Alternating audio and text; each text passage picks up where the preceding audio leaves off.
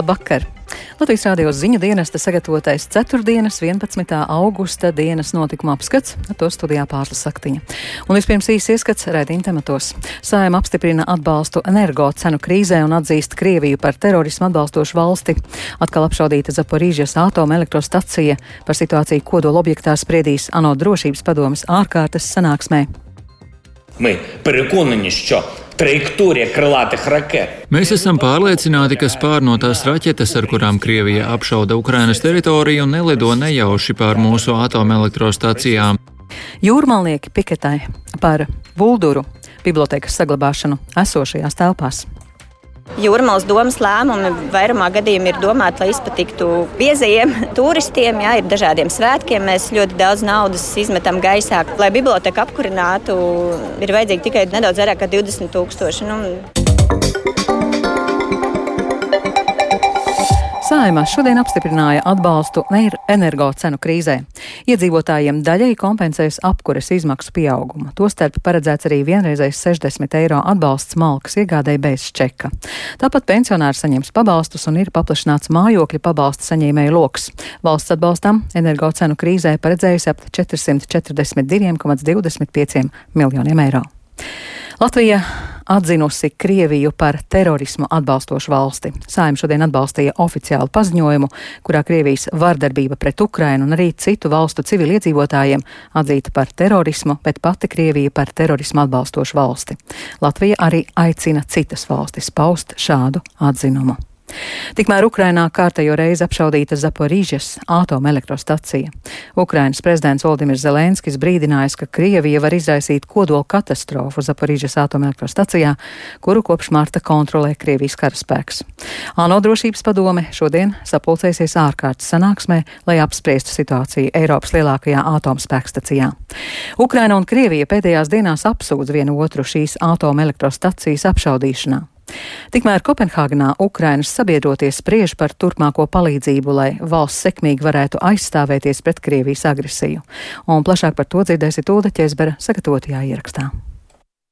Ukrainas atomelektrostaciju operators Enerhoatom paziņojis, ka Krievijas karaspēks ir apšaudījis Zaporīžas atomelektrostaciju un teritoriju netālu no kodola objekta. Atsevišķi šāviņi esot nokrituši blakus izlietotās kodoldegvielas glabātuvei, taču nav ziņu par nopietniem bojājumiem spēkstacijas infrastruktūrai. Vēl vairāki šāviņi trāpījuši netālu esošā ugunsdzēsēju depo teritorijā. Ukrainas prezidents Volodimirs Zelenskis šodien uzrunājot Kopenhāgenā notiekošās donoru konferences dalībniekus paziņoja, ka Krievijas karaspēks izmanto Zaporīžas atomelektrostaciju teroram un bruņotām provokācijām, kuras var novest pie plašas kodola katastrofas. Mēs esam pārliecināti, ka trajektorija krilātih raketu якими Росija обстрілює teritoriju України. Mēs esam pārliecināti, ka spārnotās raķetes, ar kurām Krievija apšauda Ukrainas teritoriju, nelido nejauši pār mūsu atomelektrostacijām. Tās ir Krievijas kodola terorisma izpausmes. Krievija ir kļuvusi par teroristu valsti un faktiski ir saņēmusi gūstā atomelektrostacijas, šantažējot visus ar iespējamu kodola katastrofu. Krievija var izraisīt vēsturē lielāko radiācijas avāriju Zaporīžas atomelektrostacijā. Tās sekas varētu būt vēl postošākas nekā Čornobiļā. Neviens no mums nespēs apturēt vēju, ja tas nesīs radiāciju, taču mēs visi kopā varam apturēt teroristu valsti, un jo ātrāk mēs apturēsim Krieviju, jo ātrāk Eiropa un pasaule atkal varēs justies droši. Тим швидше Європа і світ зможуть відчути знову безпеку. Arī pagājušajā nedēļā Zaporīžas atomelektrostacijas teritoriju vairākas reizes apšaudīja. Tā rezultātā tika nodarīti nopietni bojājumi spēkstacijas infrastruktūrai. Uzbrukumu rezultātā nācās apturēt viena energobloka darbību. ANO ģenerālsekretārs Antonio Guterres vērsies pie Krievijas un Ukrainas ar aicinājumu pārtraukt jebkādas militāras darbības Zaporīžas atomelektrostacijas rajonā. Tas noticis pirms šodien gaidāmās ANO drošības padomes ārkārtas sanāksmes, ko rīko pēc padomes pastāvīgās dalībvalsts Krievijas pieprasījuma. Sanāksmē, kam paredzēts sākties ap pulksten desmitiem vakarā pēc Latvijas laika, uzstāsies Startautiskās atomenerģijas aģentūras ģenerāldirektors Rafaels Grossi. Viņš informēs drošības padomes locekļus locekļus par drošības situāciju Zaporīžas atomelektrostacijā, kā arī par saviem centieniem panākt, lai aģentūras ekspertiem pēc iespējas drīzāk tiktu dota atļauja apmeklēt spēkstaciju. Grossi situāciju Zaporīžas atomelektrostacijā raksturojas kā ļoti nopietnu. Atgriežoties pie jau minētās donoru konferences Kopenhāgenā, jāmin Dānijas valdības lēmums piešķirt Ukrainai papildus 110 miljonu eiro vērtu militāro palīdzību. Savukārt Lielbritānijas aizsardzības ministrs Bens Voless paziņoja, ka Londona gatavo jaunu palīdzības paketi Ukrainai. Tā ietveršot ne tikai papildu finansiālo palīdzību, bet arī ievērojamu skaitu precīzi vadāmo raķešu, kas spēj trāpīt mērķiem līdz pat 80 km attālumā. Briti Ukraiņiem piegādāšot vēl trīs raķešu raķešu artērijas sistēmas M270, kas ir analogas ASV raķešu sistēmām Haimars. Uldis Česberis, Latvijas radio. Bet Igaunija aizliegs ieceļot valstī Krievijas pilsoņiem ar Igaunijā izsniegtām Schengenas zonas vīzām. Tā šodien vienojusies Igaunijas valdība. Noteikums stāsies spēkā 18. augustā, un tie neskars Igaunijā pastāvīgi dzīvojošos Krievijas pilsoņus. Stāsta Vendija Maslabojeva. Igaunijas ārlietu ministrs Urmas Reinsalu norādīja, ka Igaunijas izsniegtās Schengenas zonas vīzas paliks spēkā, taču ieceļošana Krievijas pilsoņiem Igaunijā būs aizliegta. Lēmums neskars Krievijas pilsoņus, kur dzimtene ir Igaunija vai kuri ir pastāvīgie Igaunijas iedzīvotāji. Krievijas pilsoņi, kuriem Schengenas zonas vīzu izsniegusi cita Eiropas Savienības dalībvalsts, varēs ieceļot Igaunijā. Ārlietu ministrs arī norādīja, ka nākamnedēļ tiks izskatīti priekšlikumi par Igaunijas robežu slēgšanu Krievijas pilsoņiem ar Schengenas zonas vīzām, kas ir izsniegtas jebkurā no Eiropas Savienības valstīm. Zviedrijas valdība izdos Turcijai vīrieti, kuru meklē par krāpšanu. Šis ir pirmais izdošanas gadījums, kopš Ankara pieprasīja Stokholmai izdot vairākas personas apmaiņā pret Turcijas piekrišanu uzņemt Zviedriju NATO. Līdz šim Turcija paudusi neapmierinātību par progresa trūkumu šajā jautājumā jautājumā, un turpina Vendija Maslabojeva. Turcijai izdoto 30 gadus veco vīrieti Zviedrijā aizturēja pagājušajā gadā. Viņam Turcijā ir piespriests 14 gadu cietumsots par vairākiem krāpšanas gadījumiem, izmantojot maksājumu kartes. Zviedrijas tieslietu ministrs Morgans Johansons norāda, ka šī izdošana nav nekas ārkārtējs, jo attiecīgā persona ir Turcijas pilsonis. Viņš atteicās izpaust, vai vīrietis ir iekļauts Turcijas pieprasīto personu sarakstā. Pēc ilgām sarunām NATO dalību valsts Turcija jūnijā atcēla veto Somijas un Zviedrijas uzņemšanai NATO. Noslēgtās vienošanās ietvaros Turcija abām valstīm iesniedza sarakstu ar personām, kur izdošana tā vēlas. Novēršot nepilnības e-pakalpojumu pieejamībā, valsts pārvalde finanšu un cilvēka resursus varētu izmantot efektīvāk. To revīzijā secinājusi valsts kontrole. Lai arī Latvijā e-pakalpojumi ir plaši, tomēr to darbības kvalitātes uzraudzībā ir trūkumi. Vides aizsardzības un reģionālās attīstības ministrijā Latvijas rādio noskaidroja, ka e-pakalpojumu uzraudzībā nepieciešama reforma, un tā dienas gaismu visticamāk ieraudzīs tikai pēc diviem gadiem. Plašāk Lindas Zalāns ierakstā. Pēdējos piecos gados valsts pārvaldes izdevumi informācijas tehnoloģiju pakalpojumiem un tās infrastruktūras uzturēšanai pieauguši no 41 miljona līdz 64 miljoniem eiro gadā. Vienlaikus aplēses par informācijas sistēmu un e-pakalpojumu nepieejamības izmaksām nav veiktas, tā revīzijā secinājusi valsts kontrole. Valsts kontrolieris Rolands Irklis pauž, ka arvien vairāk cilvēku izmanto e-pakalpojumus, proti, ja 2019. gadā tos izmantoja nedaudz vairāk nekā 3 miljonus reižu, tad pagājušā gadā jau vairāk nekā 8 miljonus reižu. Arī e-pakalpojumu klāsts ir plašs. Latvijā valsts iestādes piedāvā vairākus tūkstošu e-pakalpojumu. Tomēr to darbības kvalitātes uzraudzībā ir trūkumi. Proti, normatīvajos aktos ir noteikts sasniedzamais pieejamais līmenis, tomēr iestādēm nav skaidrs, kā to nodrošināt, kā uzraudzīt un kā mērīt. Lai arī ir noteikti kriteriji, ka pakalpojumiem jābūt pieejamiem 98% no laika, tad faktiski nav neviens, kas šo sistēmu uzraudzītu, skatītos, vai šie kriteriji tiek izpildīti. Ļoti daudz iestādes pašas nemaz nemonitorē, vai viņi šos rādītājus sasniedz vai nesasniedz. Daudzos gadījumos mēs ieguvām atbildes, kas bija balstītas uz viedokļiem, nevis uz reāli iegūtiem datiem. Lai gan valsts informācijas sistēmas un IKT resursu uzskaitas sistēma vārdā Virsis ir izstrādāta un ir ieviesta kopš 2020. gada janvāra, tajā uzskaitītie dati ir nepilnīgi. Revīzijas laikā gan Vides aizsardzības un reģionālās attīstības ministrija, gan aizsardzības ministrija ir spērusi soļus problemātisko jautājumu sakārtošanai. Ministrijas valsts pārvaldes pakalpojumu attīstības departamenta direktors Uģis Bisenieks teica, ka IKT resursu uzskaitas sistēma ir tikai bāze uzraudzībai, bet ar to ir par maz.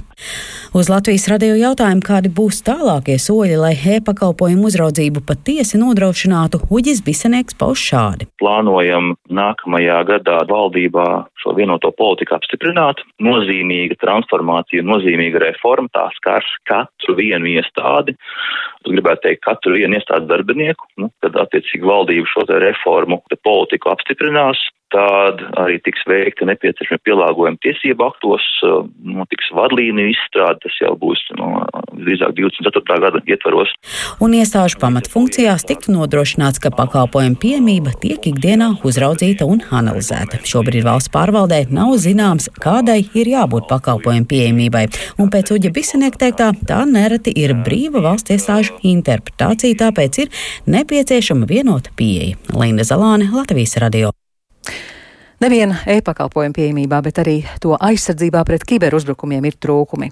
Informācijas tehnoloģija drošības incidentu novēršanas institūcija CERTLV vadītājas vietnieks Varis Teivāns pauž, ka līdz šim valsts pārvaldē šajā ziņā darbs noritējis ar mainīgām sekmēm, bet uzlabojumi ir secinājumi un novērojumi ir tādi, ka likās dažādi, un tas vistiešākajā mērā ir, ir atkarīgs arī no tā, kā kiberdrošību uztver konkrētās iestādes vadītājs. Ļoti tieši korelācija redzama Es domāju, tas ne tikai Latvijā. Ja iestādes vadītājs redz drošību savā iestādē kā prioritāti, tad parasti tas atspoguļojas arī darbos un rezultātos. Bez šaubām arī ir tādi pavisam nelāgi piemēri, kur tā ilgtermiņa pārvaldība, kaut kāda tāda tālredzība tieši uz informācijas sistēmu uzturēšanu ilgtermiņā ir bijusi ļoti vājā līmenī primārais budžets ir apgūts, informācijas sistēma ir izveidota un nu, gandrīz vispār nav domāts par viņas ilgtermiņu uzturēšanu.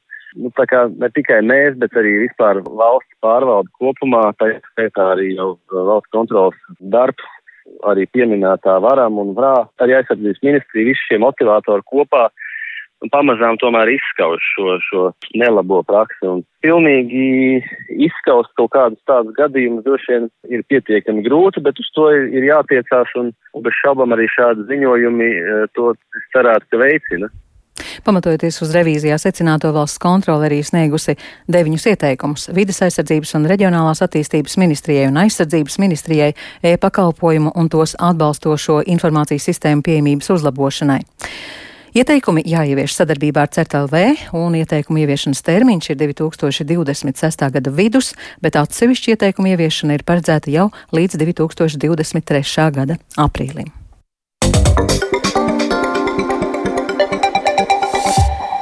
Šodien pie Jūrmalas domas notika pikets par Bulduru bibliotēkas saglabāšanu esošajās telpās. Bibliotēku paredzēts pārcelt uz dubultiem. Bibliotēkas vietā daudz mazākās telpās piedāvā grāmatu izsniegšanas un datoru punktu. Savukārt no rudens bibliotēku asaros plāno likvidēt. Iepriekš izskanēja versija, ka bibliotekas grāmatas grib iznīcināt, taču tagad vietvara ziņo, ka grāmatas, kuras bibliotekas vajadzībām vairs nebūs nepieciešamas, bez maksas piedāvās jūrmalniekiem. Un par to, kā aizritēja pikets, Lindas Spundiņas ieraksts. Līgo saules meitu horis! Vulkāni ar traku varu, lāvas traumes leju gāž, izcivilizētu garu, kultūra no gaismas drāž. Šodien pie Jūrmālas domas manāmi aptuveni pussimt cilvēku ar grāmatām. Kāds deklamēja skaļi, cits klusi pie sevis pārlasa iemīļotās burtu rindas. Saglabāt Bulduru biblioteku esošajā ēkā, pievērst uzmanību Jūrmālas domas attieksmei pret kultūru un pret bibliotekām. Jūrmālas domas vadība ir paziņojusi, ka viņiem nav izdevīgi remontēt Bulduru biblioteku vai uzturēt viņu tādā kārtībā, lai viņi darbotos. Saka piketa organizatori rakstniece Jana Veinberga. Jūrmalniekiem ir daudz iebildumu par domas attieksmi pret kultūru kopumā, taču šodien vietējie sanāca, jo kultūras komitejas dienas kārtībā bija jautājums par šoruden plānotajām izmaiņām Jūrmālas bibliotekās. Asaru bibliotēku plāno slēgt, taču Bulduru pārcelt, piedāvājot grāmatu izsniegšanas punktu. Mēs dzīvojam netālu no Bulduru bibliotekas, un mans vecākais dēls ir liels lasītājs, tas ir arī pateicoties bibliotekārai, kas spēja ieinteresēt. Arī, nu, tas ir um, jauki, ka biblioteka ir tuvu, bērns pats uz viņu var aizdoties.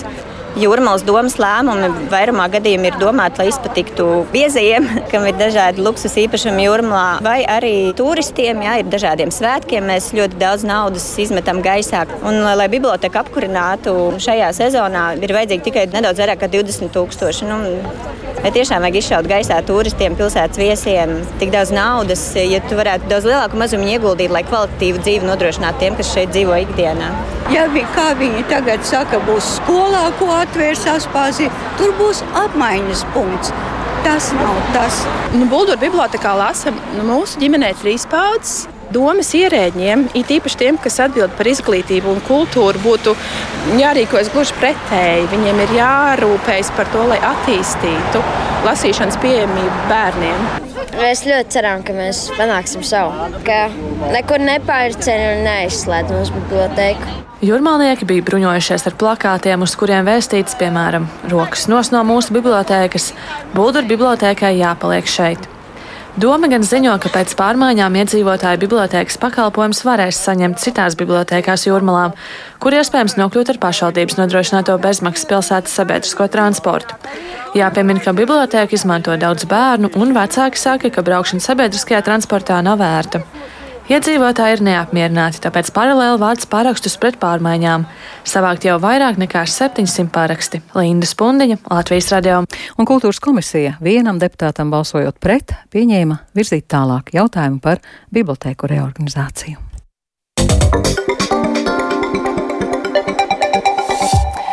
Nacionālās sporta padomas sēdē šodien diskutēja par valsts sporta budžeta līdzekļu administrēšanas kārtību no nākamā gada, taču konkrētu vienošanos par izmaiņu projektu, projekta tālāku virzīšanu puses nepanāca. Izglītības un zinātnes ministrija sagatavojusi tiesību aktu grozījumus, lai jebkura Latvijā atzītā sporta federācija valsts budžeta naudu turpmāk saņemtu no Latvijas Sporta federācija padomis ar vienu līgumu. Iesaistītās puses jau pirms sēdes pauda, ka reforma ir sasteigta un nav izrunāta ar sporta nozares pārvaldītājiem. Plašāk klausieties Mārtiņa Kļavanieka sagatavotajā ierakstā. Pirmie aizmetņi augstu sasniegumu sporta finansēšanas modeļa maiņai radās jau pirms trim gadiem pēc izglītības un zinātnes ministrijas rosinājuma. Līdz šim sporta naudu pārvaldošajām organizācijām bija dots laiks, lai savā starpā vienotos par tīkamāko modeli, bet tas nenotika. Neredzot nekādus rezultātus, ministrija sāka aktīvāk uzstāt uz to, ka no nākamā gada naudu dalīs viena organizācija, un tā būs Einara Fogaļa vadītā Latvijas Sporta federācija padome. Sporta padomes sēdē šodien gan ministrijai pārmeta to, ka process notiek atžgāni. Vispirms tiek pieņemts naudas sadals modelis, bet tikai pēc tam domāts par to, kā tas darbosies. Stāsta izglītības un zinātnes ministri Anita Mužniece no konservatīvajiem. Faktiski nonācām situācijā, kad pašā sporta nozarē jau sākās šķelšanās, jo vienkārši divas lielākās organizācijas vienkārši nespēja vienoties. Ministrija nāk ar savu piedāvājumu. Šis šis ir pirmais solis, lai mēs sāktu darbu pie šiem kritērijiem. Un es pilnīgi noteikti negribētu, ka sporta nozarē tiek īstenots formāts līdzīgs kā rīdzenes sarunās, kur vispirms visi kaut kur ar katru vienojas, un tad ministrija nāk ar jau iepriekš sarunātu lēmumu. Visaktīvāk savas bāžas par jaunā sporta finansēšanas modeļa sasteigtību pauda Latvijas Olimpiskā komiteja, kuras prezidents Žoržs Tikmērs bija neizpratnē, kāpēc jāveic izmaiņas, kas būtībā neietaupīs valsts naudu, bet tikai mainīs tās sadalītāju tāds retorisks jautājums. Kā es sapratu, ka tiks izmantots Latvijas Olimpiskās komitejas kopīgi ar federācijām izstrādātais finansēšanas modelis. Nu, jautājums ir, kāpēc tad pēkšņi ir jāmaina šī modeļa pāraugs un administrators. Neizdiskutējot šo jautājumu līdz galam, nu, tas varētu ietekmēt un likt uzdot jautājumus jā, par olimpisko sagatavošanos gan vasaras olimpiskām spēlēm, gan arī nākamajām ziemas olimpiskajām spēlēm.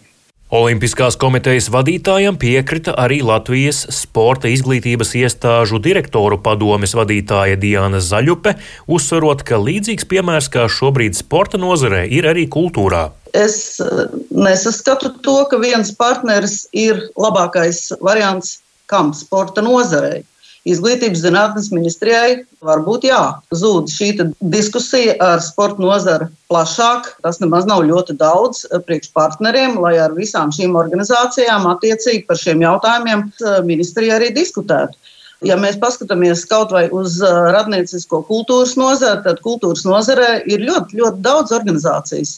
Latvijas komandu sporta spēļu asociācijas izpildu direktors Kaspars Gorkšs uzsvēra, ka joprojām nav skaidrs, kā tieši pēc jaunajiem principiem tiks izvērtēts, kam tad sniegt finansējumu.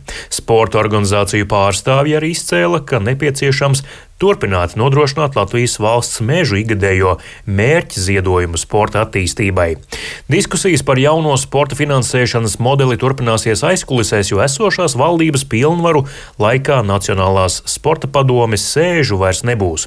Lēmums tagad paliek politiķu ziņā. Turpina finanšu ministrs Jānis Reirs no jaunās vienotības. Kā es sākumā teicu, mēs nevaram balsot, mums tur krustām šķērsām interešu konflikti un tā.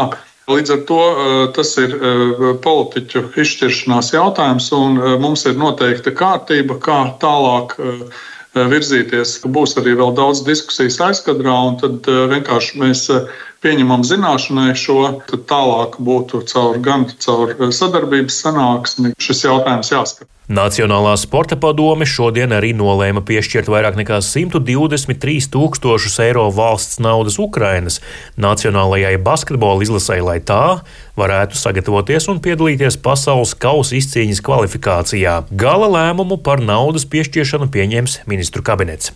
Mārtiņš Kļavinieks, Latvijas radio. Šovasar augļu koku dārzos pagaidām ir zema bakteriālās iedegas izplatība.